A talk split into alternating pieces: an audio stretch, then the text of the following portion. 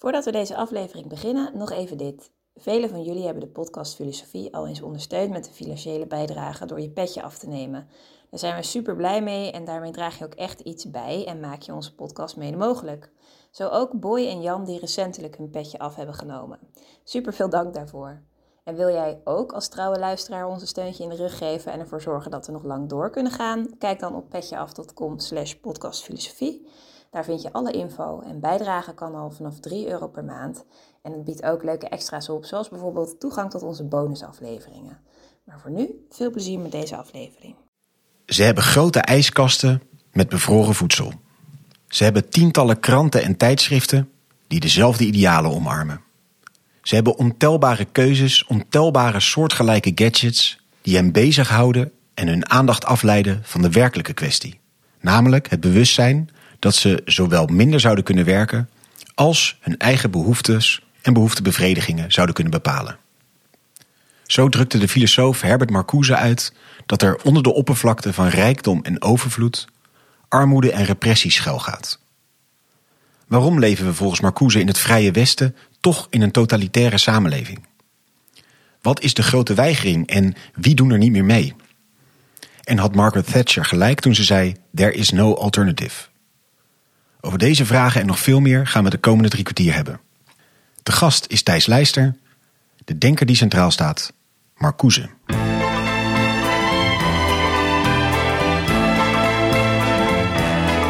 Vers les docks où le poids et l'ennui me courbent le dos. Dag, goed dat je weer luistert naar een nieuwe aflevering van de podcast Filosofie van het Santre Erasme School voor Filosofie. Mijn naam is Allard Amelink en je kent het concept wel. Een hoofdgast, een presentator en een sidekick. En in ongeveer 45 minuten bespreken we één filosoof. Naast mij vandaag Kees Vijstra. Dag Allard. We zijn te gast in Zwolle. Zeker. Uh, kijkend uh, op een pleintje. Ja, wordt misschien wat uh, spelende kinderen op de achtergrond, maar nou, dat uh, kun je er ongetwijfeld bij hebben. We zijn te gast wederom bij Thijs Leister, universitair docent kunst- en cultuurfilosofie aan de Rijksuniversiteit Groningen. Hij studeerde filosofie in Groningen en New York en promoveerde in 2012 op Walter Benjamin en Theodor Adorno. Eind 2022 verscheen van zijn hand Wat we gemeen hebben, een filosofie van de meent, een boek dat veel lovende kritieken ontving. En in april dit jaar is een heruitgave van Herbert Marcuse's Eendimensionale Mens verschenen, waarvoor Thijs het voorwoord schreef.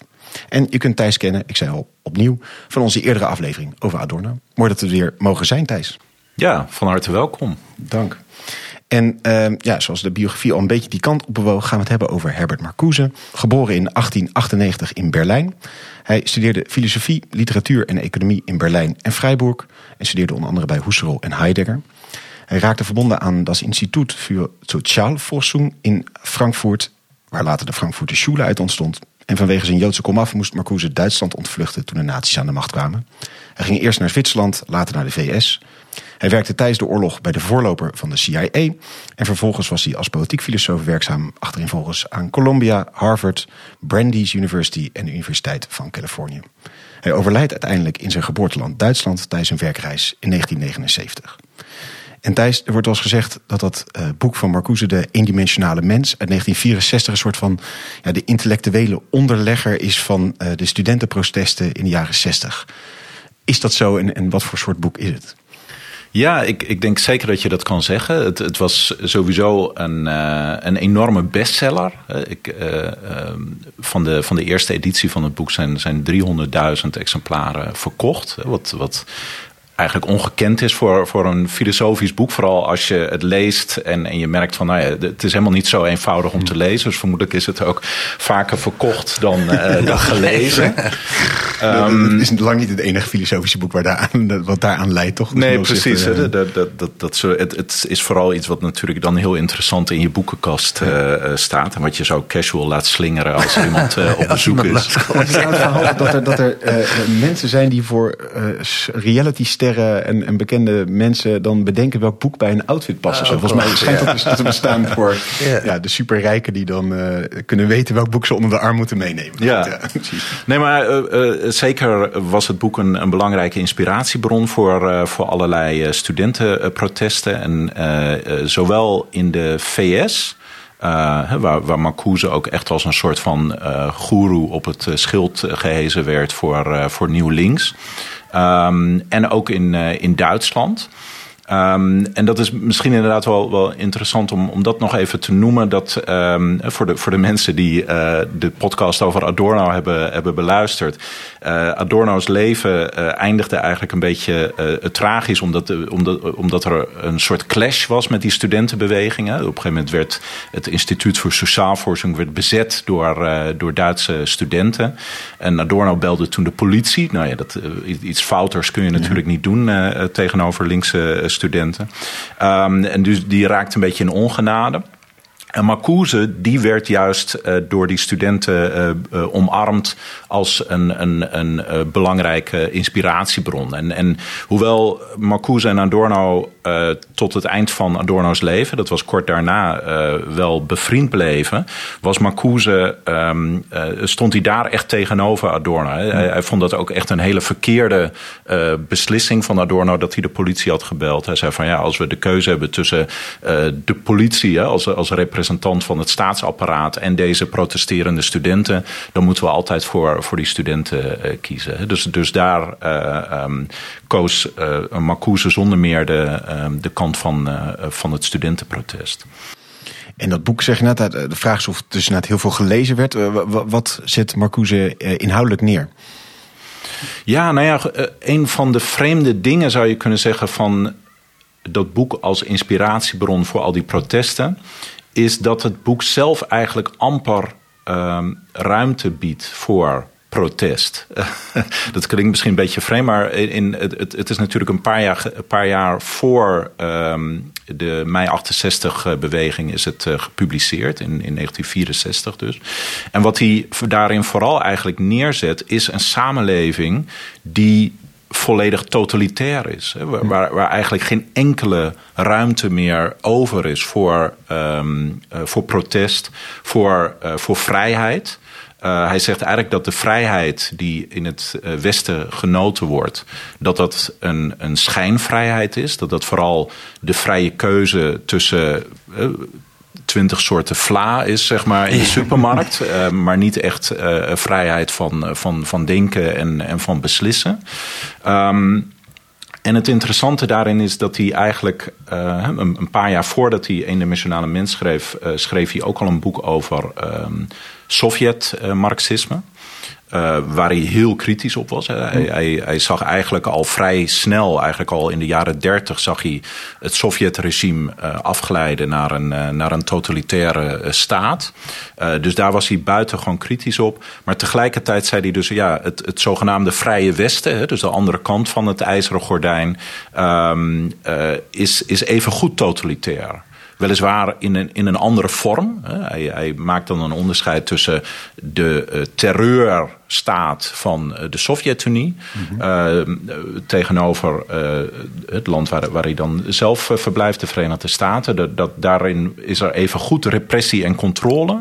Maar dan niet op grond van terreur, maar op grond eigenlijk van een volledige inkapseling van, van het denken en van iedere vorm van je de wereld anders voorstellen. En, en waar, waarin gekapseld? Wat, is dat een kapitalistische inkapseling, zodat je inderdaad alleen nog maar uit de soorten vla kunt kiezen? Of wat, wat is die specifieke onvrijheid in het Westen? Ja, het, het gaat dan inderdaad vooral om. Um, nee, misschien moeten we dan even kijken naar die, die titel al, hè, de eendimensionale mens. En, en uh, hij schrijft ook over de eendimensionale uh, samenleving. Wat hij daar eigenlijk mee bedoelt met dat eendimensionale is dat um, eigenlijk alles wat er tegenover um, het systeem, hè, om het zo maar even, even te zeggen, wat, daar tegenover zou kunnen uh, staan, dat dat, dat dat onmiddellijk ingekapseld wordt. En, en een van de belangrijke dingen daarin en dat, dat deelt hij met, met de andere uh, Frankfurters, de andere denkers van de Frankfurter is de gedachte dat uh, de, de arbeidersklasse um, helemaal geïntegreerd is in het kapitalisme. Als je uh, analyse van, van kapitalisme bij Marx, zie je natuurlijk dat er twee klassen tegenover mhm. elkaar staan. Je hebt de, de, de bourgeoisie of, of de, de kapitalisten versus uh, het proletariaat. Uh, en dat levert klassenstrijd op. En volgens Marx was die klassenstrijd eigenlijk de, uh, de locomotief, uh, zoals hij het noemde, van de geschiedenis. En, en die zou ervoor zorgen dat het kapitalisme zichzelf als het ware zou, zou ondermijnen. Omdat, omdat die proletariërs steeds meer in, in, in onvrede zouden komen leven.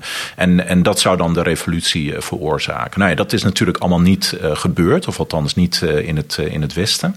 In plaats daarvan, zeg Marcuse, is hebben eigenlijk die arbeiders allemaal, die hebben de mogelijkheid gekregen om een klein beetje mee te genieten van dat kapitaal.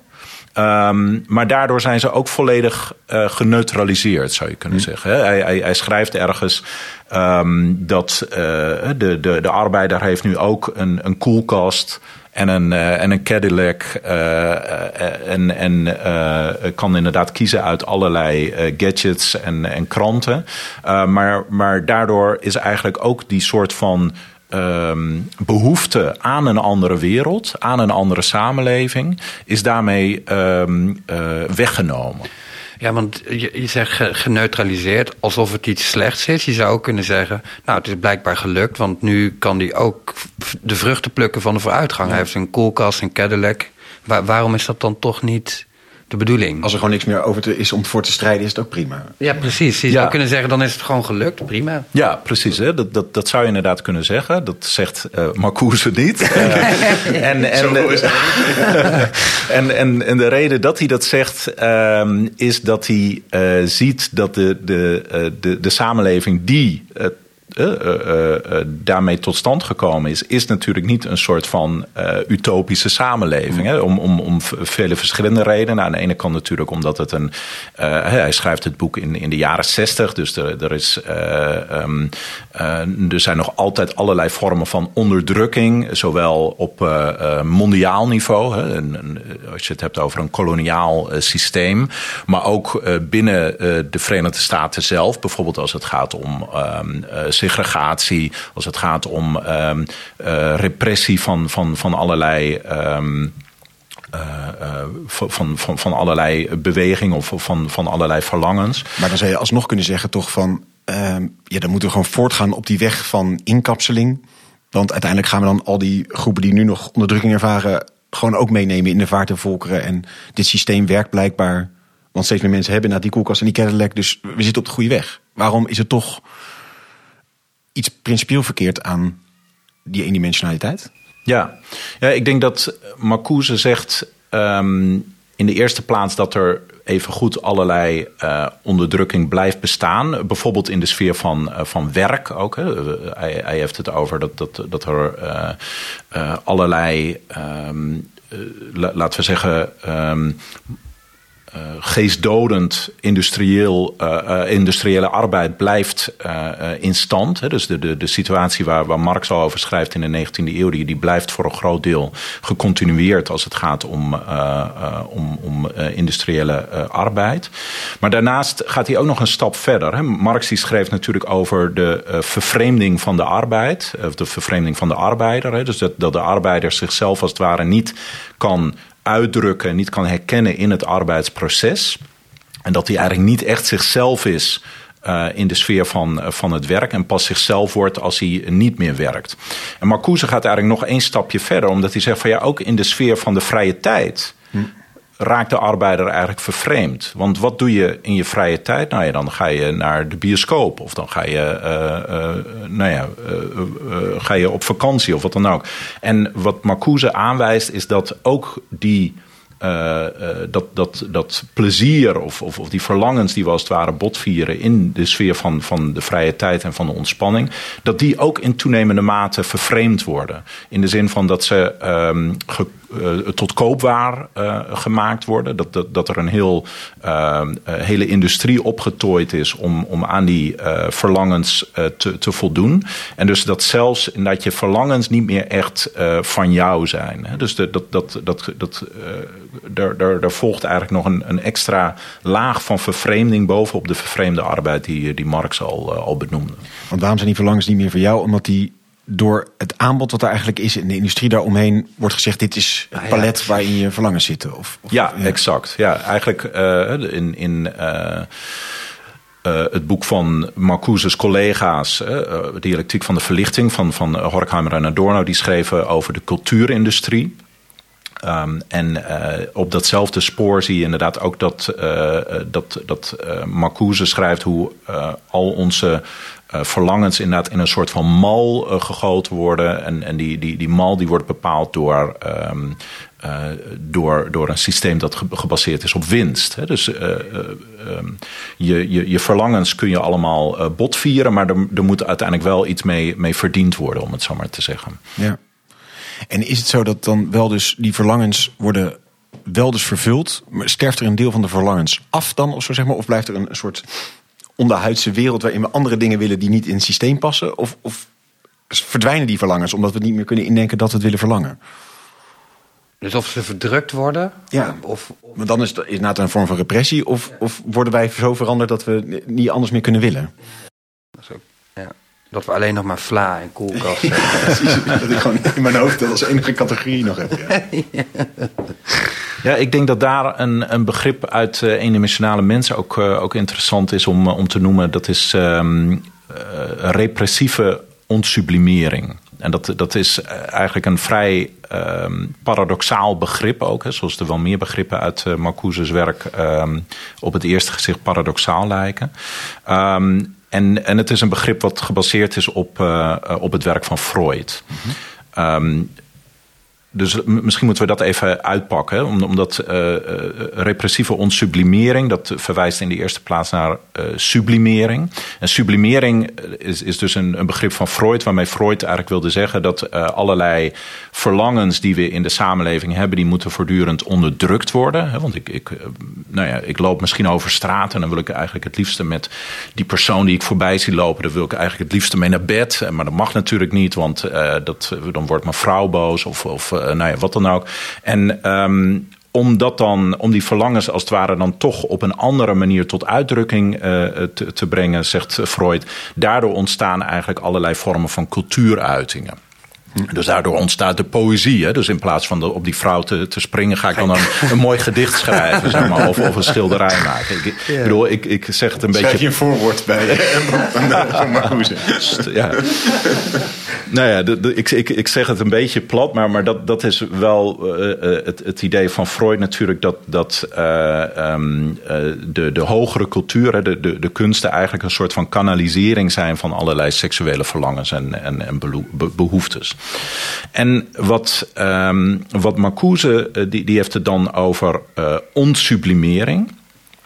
En, en wat hij daarmee bedoelt, is dat, hij, um, dat er eigenlijk bijna geen verlangens meer zijn in de, de hoogindustriële wereld, zoals hij dat dan noemt, die niet onmiddellijk uh, beantwoord kunnen worden. Hè? Want, want, want, want uh, je, je kan inderdaad naar die supermarkt lopen en alles waar je zin in hebt, dat kun je onmiddellijk uh, tot je nemen.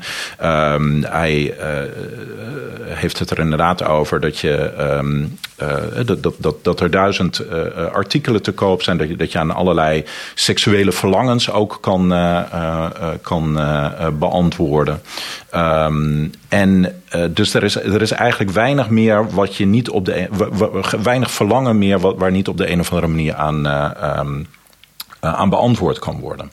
Maar juist dat heeft een soort van repressieve functie, paradoxaal genoeg, uh, omdat daardoor er in wezen ook niet meer dat niveau van sublimering, waar Freud het over heeft, uh, bereikt wordt. Waarin je dus als het ware die verlangens ontstijgt en daarop reflecteert. En dus inderdaad daarmee ook kan reflecteren op, op de samenleving. En, en, en die verlangens die als het ware ook door de, door de samenleving gegenereerd worden. Ja. Je hebt gewoon een soort van, van eindeloze mogelijkheid in je verlangens te, te voorzien.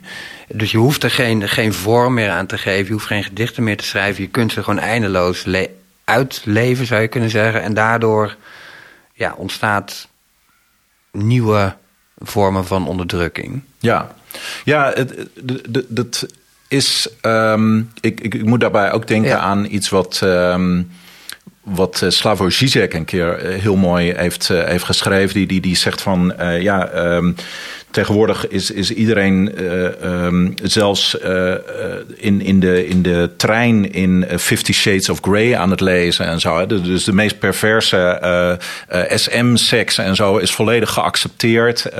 dat wordt zelfs door, door je tante wordt dat, wordt dat allemaal gelezen. Uh, maar, maar juist dat is het probleem. Dat er niks meer subversief is. Hè? Dat, dat, dat er niks meer als het ware ondermijnend is. omdat het volledig als het ware deel uit kan maken maken van zo'n zo'n um, uh, consumptiesamenleving. En, en ook, is, is ook een, een, een citaat van Zizek, maar dat zou, zou even goed bij, bij Marcuse kunnen passen. Dat, dat eigenlijk de, de imperatief van vandaag is: je moet genieten. Hè? Je moet voortdurend genieten. Als je inderdaad niet aan het werk bent, dan moet je je vermaken, dan moet je, uh, dan moet je je ontspannen, dan moet je naar de bioscoop, dan moet je uh, lekker eten, noem maar, maar op. En de, en, maar, maar dat is natuurlijk vooral ook weer een functie in dat productieapparaat. Hè? De, dus consumptie wordt een functie van de productie, om het zo maar te zeggen. Want dat wou ik inderdaad vragen van, van is het nou een probleem dat je die genotzucht aan zich zeg maar volledig kunt uitleven? Of is het een probleem dat die genotzucht zeg maar een plek heeft gekregen in onze kapitalistische samenleving? Dus dat, dat laatste, ja, dat laatste. Dus uh, uh, Marcuse is, is uh, niet tegen genot. Hij, hij, is in, in veel opzichten is hij, zou je hem zelfs een, een, een soort hedonist kunnen noemen. Um, waar hij overigens ook heeft, heeft ook een boek over de geschiedenis van het hedonisme geschreven. maar het probleem voor hem is inderdaad vooral dat al onze genietingen, al onze verlangens deel uit zijn gaan maken van een marktsysteem. En dat ze daardoor juist eh, dat we er daardoor juist van vervreemd zijn geraakt. Maar zeg je dan ook eigenlijk uh, dat, dat er ook misschien een veel rijkere schakering aan mogelijkheden is die eigenlijk verkleind worden of in een bepaalde richting gestuurd worden door het kapitalisme? Dat, is dat dan wat die. Ja, ja, ik denk dat je dat wel kan zeggen. Dat die, die, die keuze. Uh, die lijkt eindeloos, maar het is uiteindelijk nog altijd wat er in die supermarkt. Uh, wat geld oplevert. Ja, exact. Ja. En, en wat, zijn, wat, staat ermee op het spel? Je verliest een deel van het spectrum dus. En verlies je ook een, een subversieve kracht ten aanzien van de hele samenleving. Want dat is toch een beetje die eendimensionaliteit. Want er is één optie. Ja. Van die genietingen die telkens bevredigd worden. En waar dus niks subversief meer eigenlijk in kan bestaan. Dat heeft als gevolg dat je ook de hele samenleving niet meer betwist. Ja, precies. Hè. Ik, ik uh, had het inderdaad zo net over dat eendimensionale karakter van de samenleving. Dat dat dus voor um, dat, dat één kant daarvan is die integratie van, van de arbeidersklasse in, in, in het kapitalisme. Dat daar dus niet meer twee klasses tegenover elkaar staan, maar dat we eigenlijk allemaal deel uitmaken van, uh, uh, van eenzelfde systeem, waarin we volgens Marcuse althans dan ook in dezelfde mate eigenlijk allemaal onderdrukt uh, worden. Of nou misschien niet in dezelfde mate, maar we worden in, in elk geval allemaal daarin onderdrukt. Um, een andere invulling van dat idee van de, van de eendimensionale samenleving is precies wat je zegt: dat we ons niet eens meer een andere samenleving kunnen voorstellen. En dat is wel interessant, hè, dat Marcuse daarover schrijft in, in de jaren zestig. Um, een paar jaar later kregen we natuurlijk um, Margaret Thatcher met haar, beroemde uitspraak: There is no alternative. Uh, Tina Thatcher werd ze ook genoemd, van T-I-N-A. Maar dat, dat zegt Marcuse dus eigenlijk ook al in, in de jaren zestig. Dat idee van dat er geen alternatief uh, mogelijk is. Dat er geen alternatief denkbaar is.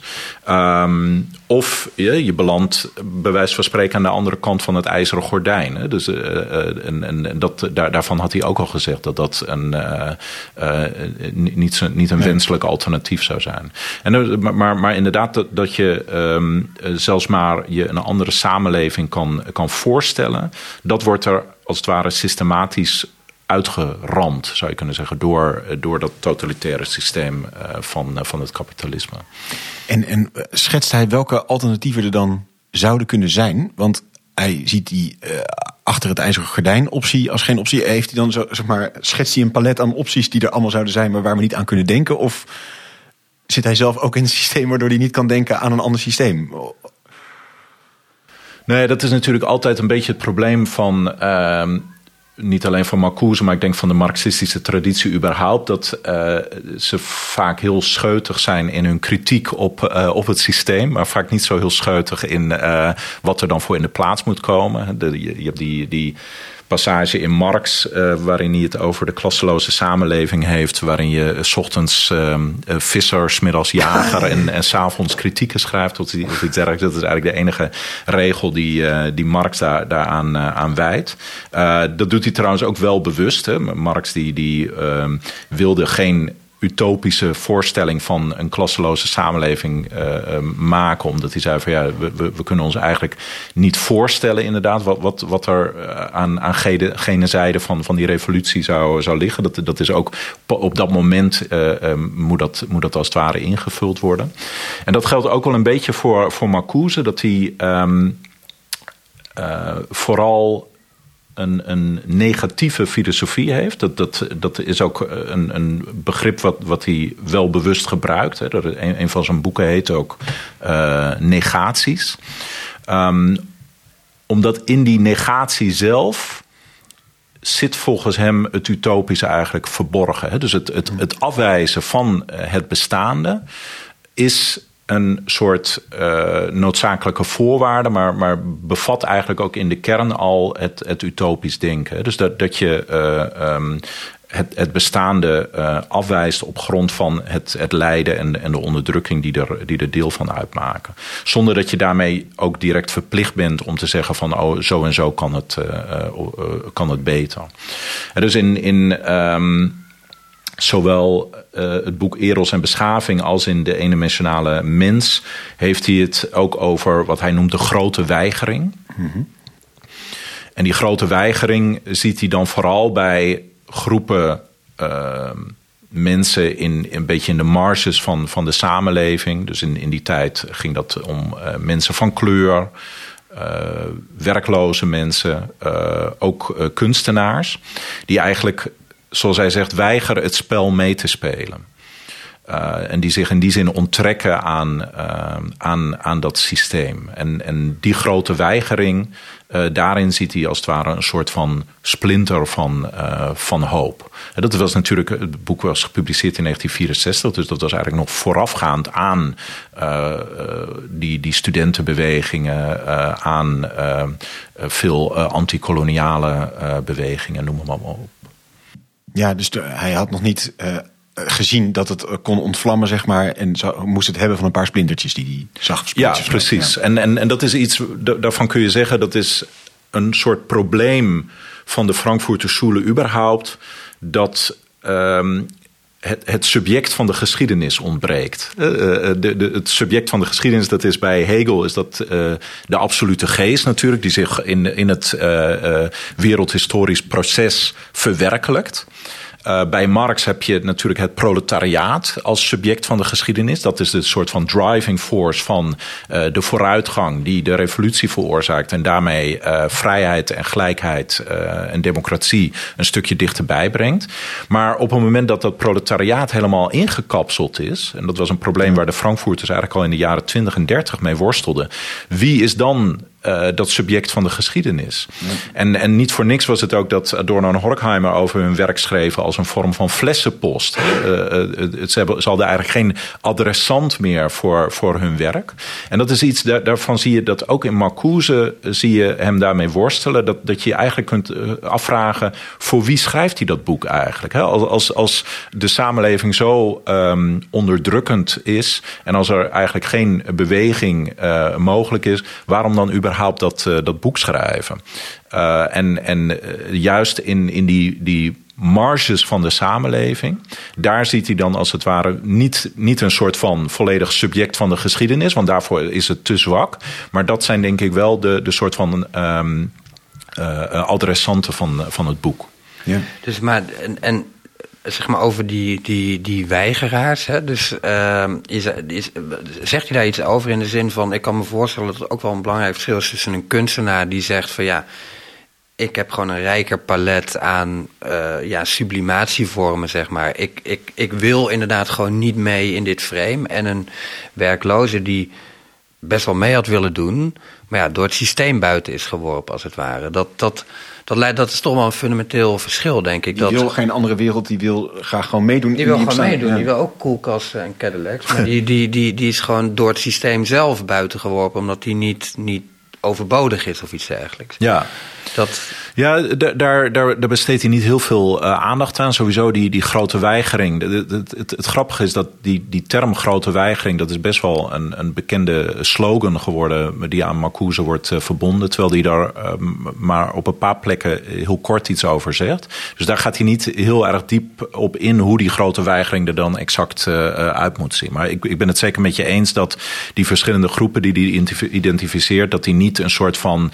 ehm, gezamenlijk eh, klassenbewustzijn of zoiets dergelijks eh, hebben. En dat, dat die misschien inderdaad om hele andere redenen eh, dat, eh, ehm, eh, dat, dat systeem de, de rug toekeren. Ja, maar zeg maar, ik vraag het omdat het wel, denk ik, heel fundamenteel is voor de vraag van, ja, sommige, heel veel mensen willen, denk ik, dit, dit systeem. Dat is, dat is denk ik het grote probleem, waar, waar, waar hij in zijn kritiek mee zou moeten worstelen, denk ik, van wat, wat, wat is er intrinsiek niet goed aan koelkasten en Cadillacs willen. Ik denk dat heel veel mensen dat gewoon willen hebben.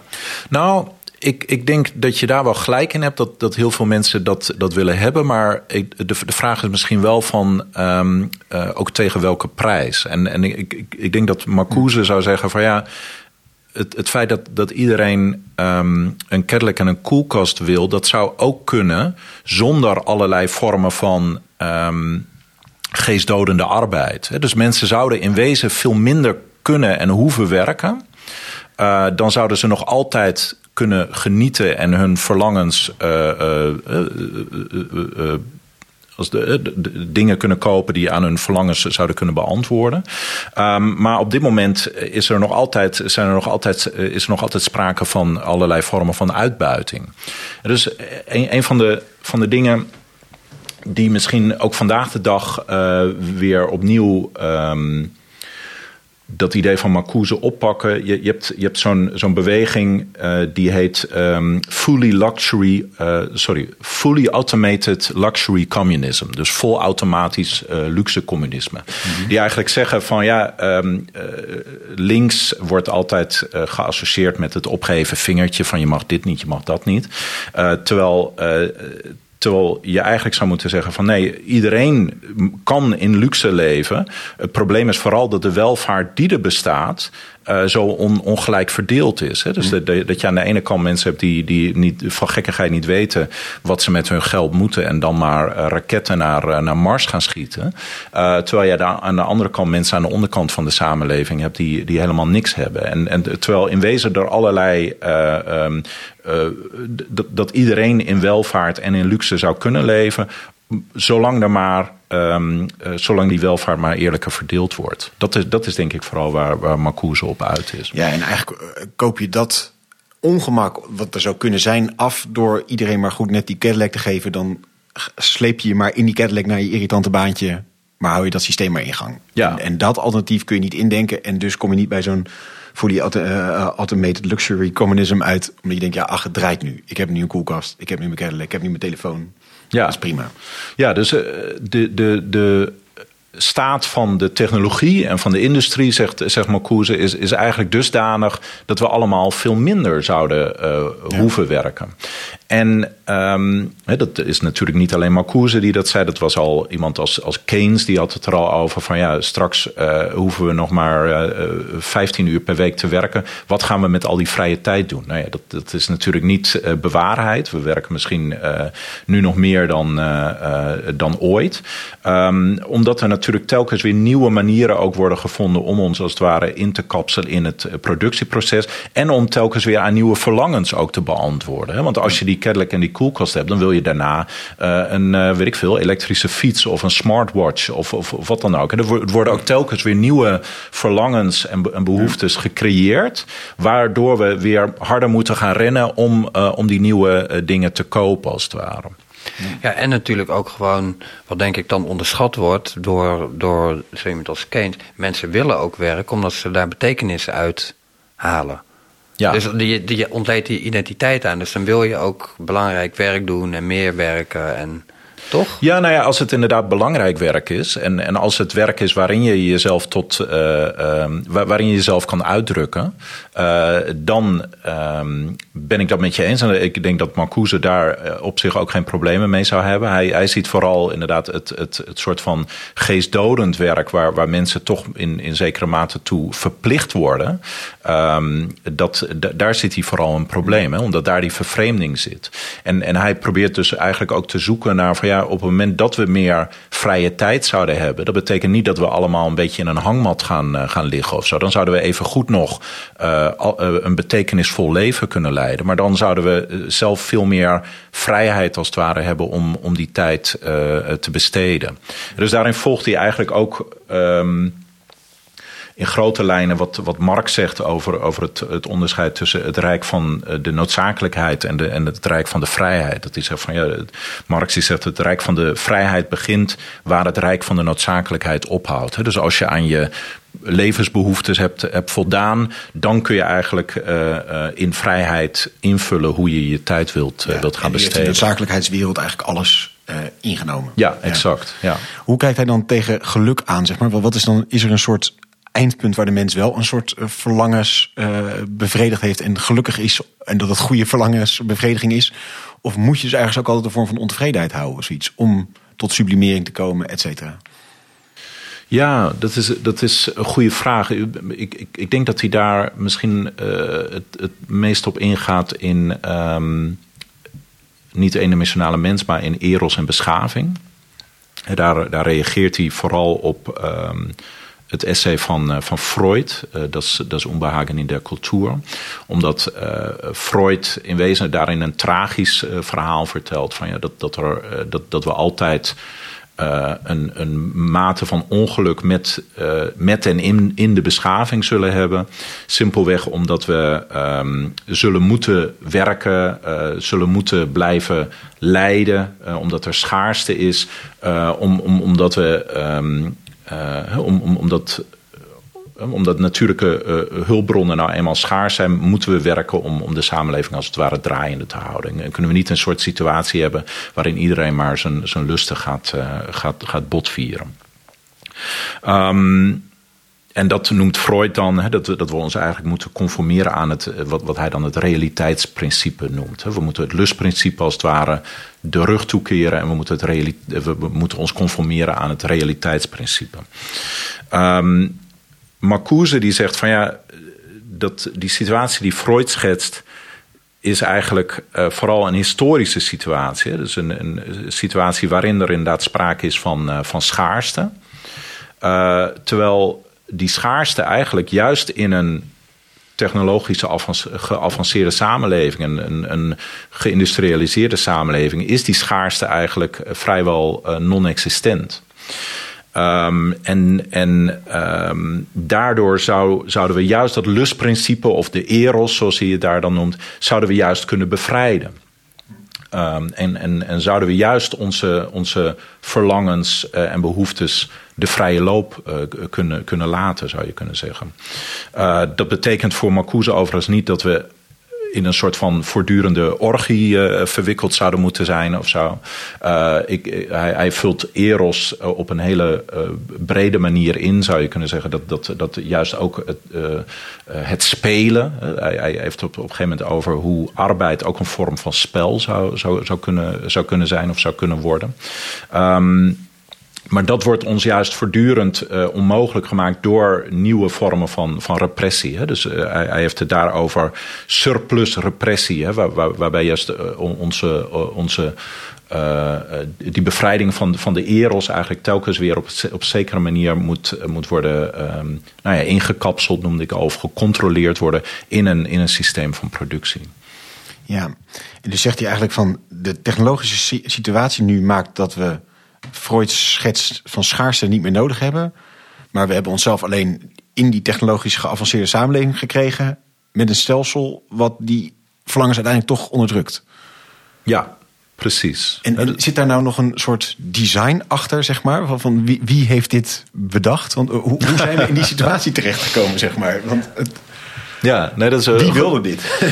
nee, dat is een goede vraag, omdat er natuurlijk uh, dan het, het, het, klinkt heel dikwijls een beetje complotachtig natuurlijk. Hè? Van de, alsof er een soort groep hoge heren in een, in een wolkenkrabber zit die, die dat allemaal hebben verzonnen om, om ons allemaal gaande te houden. Nee, dat, dat, dat, zegt hij op een gegeven moment ook ergens expliciet dat dat, dat niet is wat hij. Ehm, uh, wat hij denkt dat het niet een soort van um, vooraf verzonnen uh, ontwerp is.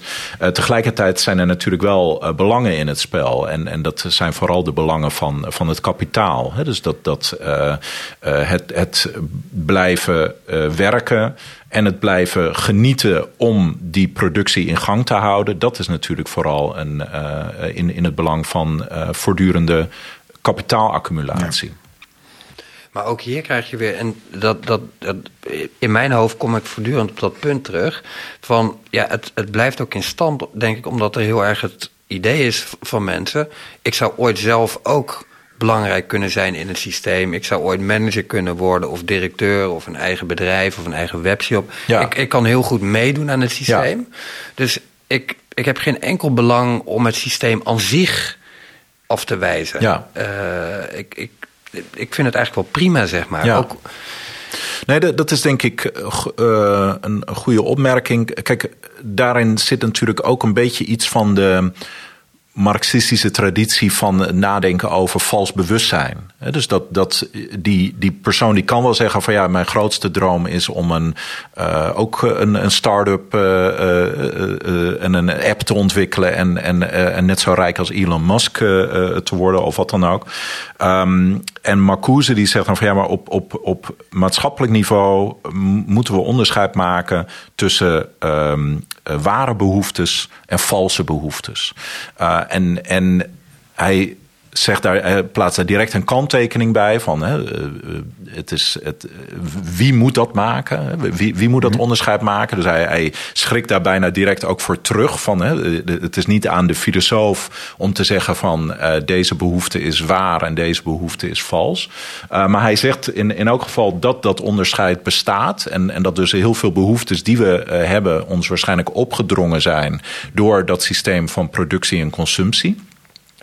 Um, en hij zegt uiteindelijk is het alleen het individu zelf dat een onderscheid kan maken tussen uh, valse behoeftes en ware behoeftes.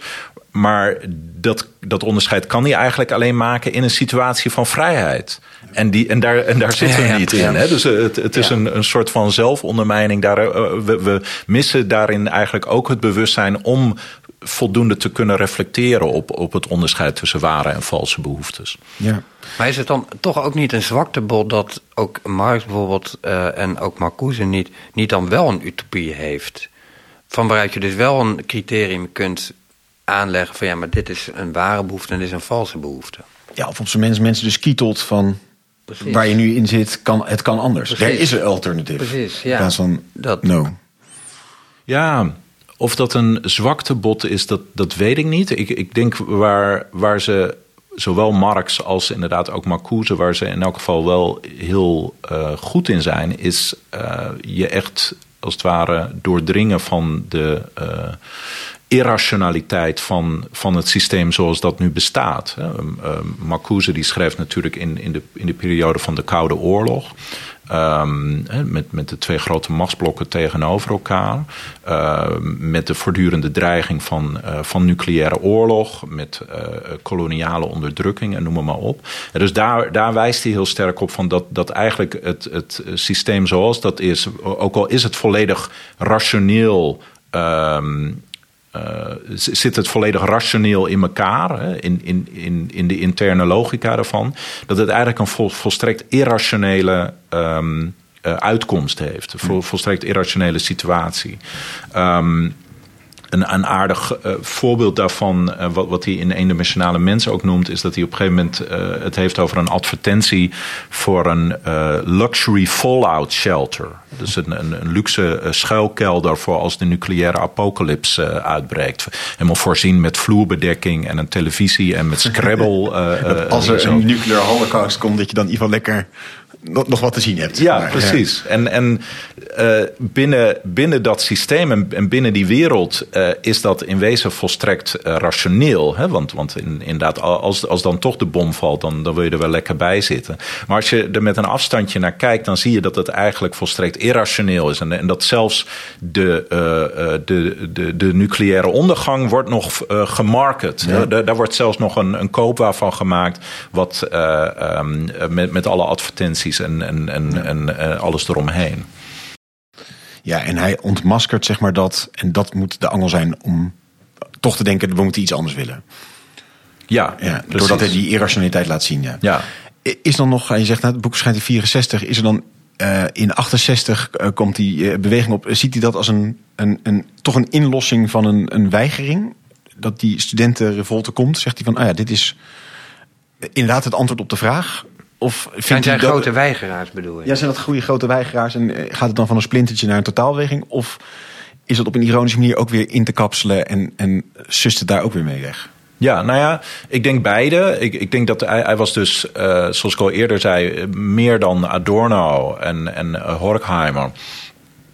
Was hij positief over die eh, ehm, eh, studentenbewegingen. En niet alleen over de studentenbeweging, maar bijvoorbeeld ook over de civil rights eh, beweging. Ehm, wel interessant te vermelden is dat ehm, Angela Davis, een, een, eh, eh, die, die deel uitmaakte van de Black Panther-beweging. en, en eigenlijk tot op de dag van vandaag een, een be- be- bekende en belangrijke activist is in eh, ehm, Black Lives Matter bijvoorbeeld. Dat was een, stu- een student van, eh, van Marcuse. Dus hij zag daarin eh, zag hij absoluut eh, eh, hoop. Ehm, maar net wat je zegt, hè, de, de mate waarin het ook weer ingekapseld kan worden, ook daar zag hij, zag hij wel, wel gevaren en, en risico's. Hè. Dus als, als het bijvoorbeeld gaat over wat ik eerder noemde, die bevrijding van de eros.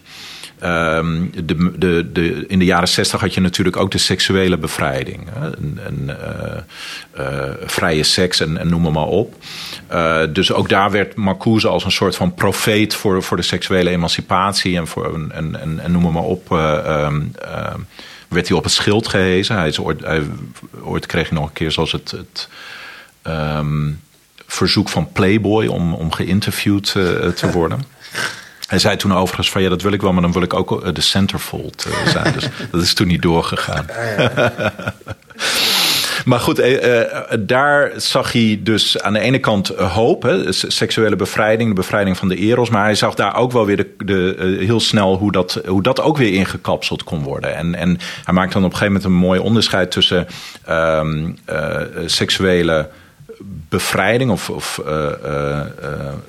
liberation in het Engels dan en liberalization. Eh, en en die, die laatste is eigenlijk dus eh, hoe seks ook weer een markt wordt. En, en, en, en dat zie je natuurlijk, eh, zag je natuurlijk in de nasleep van, van, eh, van de jaren zestig. Zag je dat heel sterk, inderdaad, met iets als, als Playboy magazine en, en de porno-industrie.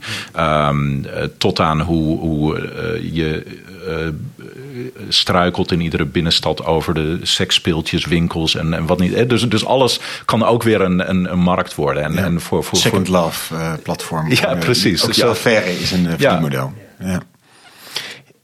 Is er daarmee dus, na het, eh, als we kijken naar, naar je, die zegt eh, Angela Davis noem je net, eh, zijn er hedendaagse opvolgers van Marcuse die het nou, telkens nog naar het heden blijven vertalen? Die dus, bedoel, wij hebben nu wat actuele voorbeelden, maar die daar eh, ook naar telkens die actualiseringsslag blijven maken? Ja, ik, ik denk. Juist omdat Marcuse zo'n zo'n bijna cultfiguur was in, eh, in de jaren 60 en 70, dat hij na zijn dood eh, eh, ook vrij gauw uit de mode raakte. En, en, en, dat hij mm, meer nog dan. ehm, eh, collega's als, eh, als Adorno en, eh, en Benjamin. Dat, er, dat hij niet heel erg vervolgens weer opgepakt is door, door andere denkers die zich direct door hem hebben laten inspireren. Eigenlijk bijna eerder in tegendeel dat je natuurlijk met name in, in Frankrijk zie je een soort van tegenbeweging tegen het Freudomarxisme. Bij mensen als, als Foucault en, en Deleuze, die, die zeggen van ja, de, de, het, het hele idee van repressie als, ehm, als, als fundament voor, voor, voor het denken over de samenleving is eigenlijk verkeerd. Foucault die natuurlijk zegt van ja, macht is niet alleen iets wat onderdrukt, maar, iets, maar ook iets wat, wat schept. Hè, wat, wat een bepaalde vorm van subject schept. Dus daarin wordt. Ehm, ehm, eigenlijk dat denken van figuren als Marcuse en Fromm wordt eigenlijk, uh, daar wordt eigenlijk afscheid van genomen in dat, uh, in dat denken van Foucault, Deleuze, poststructuralisme. Um, dus ik, ik denk juist eigenlijk in, in de laatste uh, jaren dat Marcuse weer, weer opnieuw uh, opgepakt wordt. Uh, iemand als Mark Fisher bijvoorbeeld, een, een Britse filosoof. Die een, een aantal ook hele populaire boekjes heeft geschreven. Onder andere, ik, ik zeg boekjes, dat klinkt een beetje denigreren, maar het zijn vaak dunne, dunne boekjes. Ja, het is niet inhoudelijke nee, nee, absoluut boekjes, niet. Maar, nee, maar Mark Fisher, die, die, die heb ik heel hoog zitten. Dat is een, een, denk, denk ik een hele interessante figuur. Die, die heeft een, een boek geschreven getiteld Capitalist Realism realism dat, dat eigenlijk heel erg lijkt op wat Marcuse in, in eendimensionale mens al zegt. Hè? Dus dat, dat, er, dat we onszelf niet eens meer een alternatief uh, kunnen, kunnen voorstellen. En, en dat kapitalistisch realisme, zoals uh, Fischer dat noemt, uh, dat is inderdaad het, het realisme van um, dat, dat, dat je een beetje realistisch moet zijn. Hè? Dus iedereen die, die denkt van hey, kunnen we niet dat iedereen gewoon een woning heeft of zo. Of, of dat, dat, dat, dat iedereen dat er, dat er geen uh, dakloosheid of werkloosheid. Ja, maar je moet wel een beetje realistisch zijn. Dat hoort er nu eenmaal bij of zoiets. Ja. Exact, ja, zo is het nu eenmaal. Dat, dat is eigenlijk het, het kapitalistisch realisme waar, waar Fischer het over heeft. En Fischer die, die is inderdaad ook um, beïnvloed onder andere door, door het werk van Marcuse, waar hij ook in, in zijn, in zijn laatste werken aan, aan refereert. dus je hebt, je hebt Mark Fisher, je hebt uh, Angela Davis, die ik uh, al noemde, die vooral ook vanuit een praktijk van, van activisme door, door Marcuse is geïnspireerd. En dan zijn er ook nog wel um, een aantal filosofen die, die met Marcuse aan de slag zijn geweest, vooral rond zijn begrip van tolerantie. Dat, begrip hebben we nog niet genoemd, maar Marcuse heeft het ook over repressieve tolerantie. Uh, alweer zo'n lekker uh, paradoxaal begrip, hè, wat, wat, wat, waar, waarmee hij eigenlijk bedoelt van ja, er zijn allerlei tegenstemmen uh, in, in de samenleving die worden als het ware wel, wel toegestaan, maar die zijn eigenlijk meer tekenend voor hoe krachtig dat systeem zelf is. Hè. Die, die, dat, dat, dat, die, die hebben toch niks te betekenen, dus je, je kan daar tolerant tegenover zijn. Omdat ze insignificant zijn in deze ja, systeem. Exact, en, en door ze dan een beetje te laten roepen, zeg maar, um, dat heeft juist eerder een, een soort van onderdrukkende werking, die, die, die, tolerantie. En, en daar zijn bijvoorbeeld uh, een filosoof als Wendy Brown uh, en, en de Duitse filosoof Rainer Forst, die hebben ook over tolerantie geschreven. En die grijpen daar ook weer terug op, uh, op Marcuse. Die ze daarin trouwens ook even goed bekritiseren, maar dat, daar maken ze gebruik van zijn werk. Ja. Dankjewel Thijs. Volgens mij ontzettend interessant over verhaal over Herbert Marcuse. Um, we begonnen met De Eendimensionale Mens. Uh, een van de vele filosofische boeken die uh, gelezen, uh, gekocht wordt, maar niet per se heel veel gelezen werd. 300.000 exemplaren was echt een bestseller. En Marcuse werd ook wel een beetje soort de goeroe van de studentenbeweging in de jaren 60. Um, en dat leidde ook een interessant conflict met Theodor Adorno, die uiteindelijk de politie belt als de universiteit bezet wordt. Nou, dat leidt tot een, een discussie tussen Marcuse en Adorno, die daar echt heel verschillend naar kijken. Wel blijven zij samen verbonden. Maar Marcuse wordt daarmee dus ook echt een soort goeroe van die beweging. Um, terwijl dat op een gekke manier is, omdat in dat boek De Eendimensionale Mens uh, Marcuse juist schetst hoe er eigenlijk geen ruimte is voor protest. Daar gaat dat boek eigenlijk over. Er is een totalitaire samenleving waarin geen vrijheid is, waar geen vrijheid is voor protest. Er is alleen een schijnvrijheid die wij in het Westen kennen. Uh, we noemden het de keuzevrijheid om uit allerlei soorten vla te kiezen, maar je kunt niet daadwerkelijk vrij kiezen voor een heel andere wereld, een hele andere samenleving. Marcuse uh, heeft voordat dat boek uh, De Eendimensionale Mens verschijnt in 1964, al eerder een hele kritische bespreking van het Sovjet-Marxisme uh, gedaan. Daarin die zegt het is inderdaad een totalitair regime geworden. Uh, maar ook, zegt hij dus vervolgens, in het Vrije Westen zijn we ook op een bepaalde manier totalitair. Niet in de vorm van terreur, maar doordat um, repressie in de vorm van inkapseling. Wat is die inkapseling? Nou, wat hij zegt is van er is een arbeidsklasse, een arbeidersklasse die tegenover de bourgeoisie staat. En wat in ons hedendaagse systeem goed gelukt is, is dat die arbeidersklasse eigenlijk ingekapseld is in een systeem. Die klassenstrijd, die de locomotief is van de geschiedenis bij Marx, wordt zo geneutraliseerd.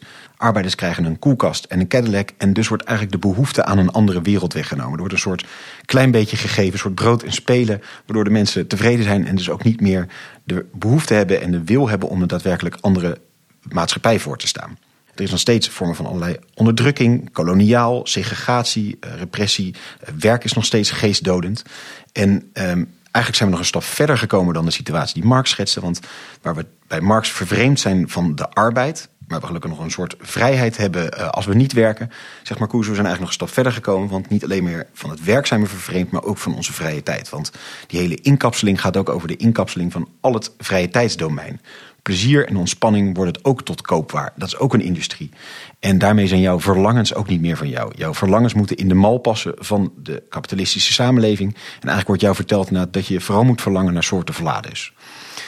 Um, wat doet die repressie? Die leidt tot een repressieve onsublimering. Dat is een begrip wat uh, Marcuse vandaan haalt bij Freud. Of in ieder geval, die komt met het concept sublimering. Er zijn verlangens die we hebben die onderdrukken we. En vervolgens, om daar toch een soort uiting aan te geven, gaan we dat in cultuur uiten, bijvoorbeeld poëzie. Kunst dus als kanalisering van onderdrukte verlangens. Marcuse zegt in de samenleving van zijn tijd: er zijn eigenlijk geen verlangens meer die niet direct beantwoord kunnen worden. Je kunt alles bestellen, je kunt alles kopen wat je wil. Maar paradoxaal genoeg is dat dus alsnog repressief, omdat we daarmee ook het verlangen naar verandering doden. Uh, er is dus geen enkele behoefte meer tot sublimering, er is alleen maar een onsublimering. En uh, Thijs haalde daarbij Zizek aan. Die zei van ja, je kunt inmiddels Fifty Shades of Grey prima uh, zonder rode koontjes in de trein lezen. En je tante heeft het ook liggen. en die Fifty Shades of Grey is dus niet meer subversief. maar is eigenlijk een heel normaal onderdeel geworden. Is gewoon opgeslokt in het hele consumptie-industrie die er is. En het hele imperatief wat ons wordt opgelegd als burger is naar het vermaakje. En dat vermaken is dus de hele tijd vermarkt. Marcuse is helemaal niet anti-genot. Sterker nog, hij heeft ook een boek over de geschiedenis van het hedonisme. Maar hij zegt dus meer, al die genietingen zijn allemaal in dat marktsysteem gestopt. En mede daardoor hebben we dus nu geen mogelijkheid meer om ja, ons een andere samenleving voor te stellen. Tina Thatcher ging het over There is no alternative. En um, uh, ja, hij zegt, we kunnen eigenlijk gewoon, doordat we opgeslokt zitten, ingekapseld zitten in het systeem, is er geen enkele motor en angel tot verandering meer. Die kritiek is heel scherp. Schetst hij nou ook echt een alternatief? Noemt hij een alternatief wat er kan zijn? Nee. Uh, negatie, belangrijke term bij uh, Marcuse. Daarin zit wel op een bepaalde manier dat utopische besloten in de negatie zelf. Het nee zeggen tegen de situatie die nu is. En in het boek Eros en Beschaving noemt hij dat dan de grote weigering. Komt kort voorbij, maar is een belangrijke term geworden in zijn denken. En die grote weigering, dat nee zeggen tegen de samenleving die er is, dat, dat zie je in de marge terug. Dat zijn mensen van kleur, dat zijn werklozen, dat zijn kunstenaars. Daarin zit Marcuse wel een soort splintertjes van hoop van mensen die weigeren om mee te spelen eigenlijk in het hele spel. Daarin kwam een beetje de vraag naar voren van aan wie richt Marcuse dit boek nou? Is dat inderdaad nou op die mensen in de marge? Ja, dat zou je misschien het beste kunnen zeggen. Er is zoals gezegd een soort flessenpost is het. Want eigenlijk wat je dus zegt bij Marcuse is dat het subject van de geschiedenis ontbreekt. Bij Marx was het nog het proletariaat. Bij de Frankfurter Schule is dat hele proletariaat ingekapseld. En dus is er eigenlijk niemand meer aan wie je deze prikkelende boodschap kan geven. Maar goed, in de marge zijn dus wel mensen die je misschien als adressant kan zien. Um, vervolgens kwamen we meermaals terug op die vraag van waarom is nou die hele eendimensionale wereld zo verkeerd? Die Cadillac en koelkast, dus het kan toch ook gewoon een fantastische wereld zijn? Waarom uh, willen we dat niet hebben? Is het nou allemaal zoveel minder? Nou, er is dus net echt die onderdrukking. Mensen werken nog steeds te veel. En de vraag is eigenlijk bij welke prijs betalen we voor die wereld? En uh, alternatieven die je kunt indenken, zou je kunnen zeggen: ja, we kunnen bijvoorbeeld veel minder werken en de welvaart veel eerlijker verdelen, waardoor we veel meer een, het rijk van de vrijheid hebben. En dat rijk van de noodzakelijkheid uh, dat, dat overvloeit nu alles. En dus is het Rijk van de Vrijheid eigenlijk nagenoeg afwezig. Termen die bij Marx vandaan komen, maar goed schetsen van hoe de hele economie ons zo dat hele leven doordezemt. Wat is dan volgens Marcuse wel een gelukkig mens? Nou, daar begint hij bij Freud ook weer. Hij zegt, ja, de mens is, eh, Freud zegt de mens is tragisch. Lijden is er, want er is schaarste. Het realiteitsprincipe van Freud. Marcuse zegt, nou, dat is een historisch correcte opmerking van Freud in zijn tijd. Maar vandaag de dag, door de technologisch hoogwaardige samenleving die we hebben, is schaarste helemaal niet nodig. We kunnen onze verlangens de vrije loop laten. Eh, en verlangens noemt hij dan bij, daarbij eros, zoals we hoorden, wat heel breed moet worden gezien. Het gaat ook over spelen en arbeid als een vorm van spel. Alleen toch komt er telkens weer een repressie overheen. Dus we kunnen die eh, verlangens de vrije loop laten, maar ook die worden telkens dus weer ingekapseld. We kwamen tot slot bij de vraag wie wil nou deze situatie. het is niet een bepaald complot of zo wat er is van boze mannen die dit allemaal hebben bedacht. Ehm, maar ja, het, het systeem werkt zo en de belangen van het kapitaal werken wel in de hand dat deze situatie in stand gehouden wordt. En waarom willen wij zelf dit als onderdeel van dit systeem? Ja, omdat er een verschil bestaat tussen ware en valse behoeftes. Marcuse gaat er zelf niet in om daar een onderscheid in te maken. Maar hij kan dus, zegt dus wel, ja, je kunt wel een soort verschil maken tussen wat je nou daadwerkelijk goede verlangens zijn en valse verlangens. Zou hij niet gewoon een alternatief moeten schetsen, toch die utopie moeten neerzetten, zodat we geprikkeld worden om uit ons denken te stappen? Hij zegt, nou nee, het moet dus vooral gaan over het aantonen van de irrationaliteit van de samenleving. Uh, de samenleving lijkt rationeel te opereren, maar ja, is uiteindelijk irrationeel. Met als voorbeeld de reclame voor een luxe schuilkelder. Dus zelfs een nucleair einde van de wereld wordt nog vermarkt en nog als een product verkocht. Heeft dan de studentenbeweging of hebben de civil rights movements uh, ja, eigenlijk een beetje laten zien dat je wel uit dat systeem kan breken? Ten dele. Uh, Angela Davis noemde Thijs als een belangrijke uh, leerling van uh, Marcuse. Die heeft laten zien natuurlijk dat er daadwerkelijk veranderingen in te brengen zijn. En tegelijkertijd zie je dat ook daarin telkens weer het risico is dat er een inkapseling plaatsvindt. Bijvoorbeeld de bevrijding van de eros. Dat ook dan uiteindelijk gewoon de vrije seksuele moraal nou, via Fifty Shades of Grey of Second Love uiteindelijk gewoon tot ook weer een productiegoed wordt. Wat je kan verkopen en kopen en wat je gewoon vermarkt de wereld in. Wie zien we dan als hedendaagse volgers van uh, Marcuse? Enza Davis noemden we Mark Fisher met kapitalistisch realisme. Geeft eigenlijk ook een soort update van het denken van Marcuse. En ook het repressieve tolerantiebegrip uh, krijgt wel veel aandacht. Marcuse een beetje een cultfiguur in de jaren 60. Daardoor daarna wat uit de mode geraakt. Maar vandaag de dag er steeds meer terug. Recent is verschenen die nieuwe uitgave van uh, De Eendimensionale Mens. Sterke aanraden bij deze. En voor nu heel hartelijk dank aan jou Thijs. En dank aan jou Kees. Graag gedaan. En natuurlijk voor heel erg dank ook aan jou als luisteraar. deel deze aflevering vooral voor mensen die het ook moeten horen. En heel graag tot de volgende keer.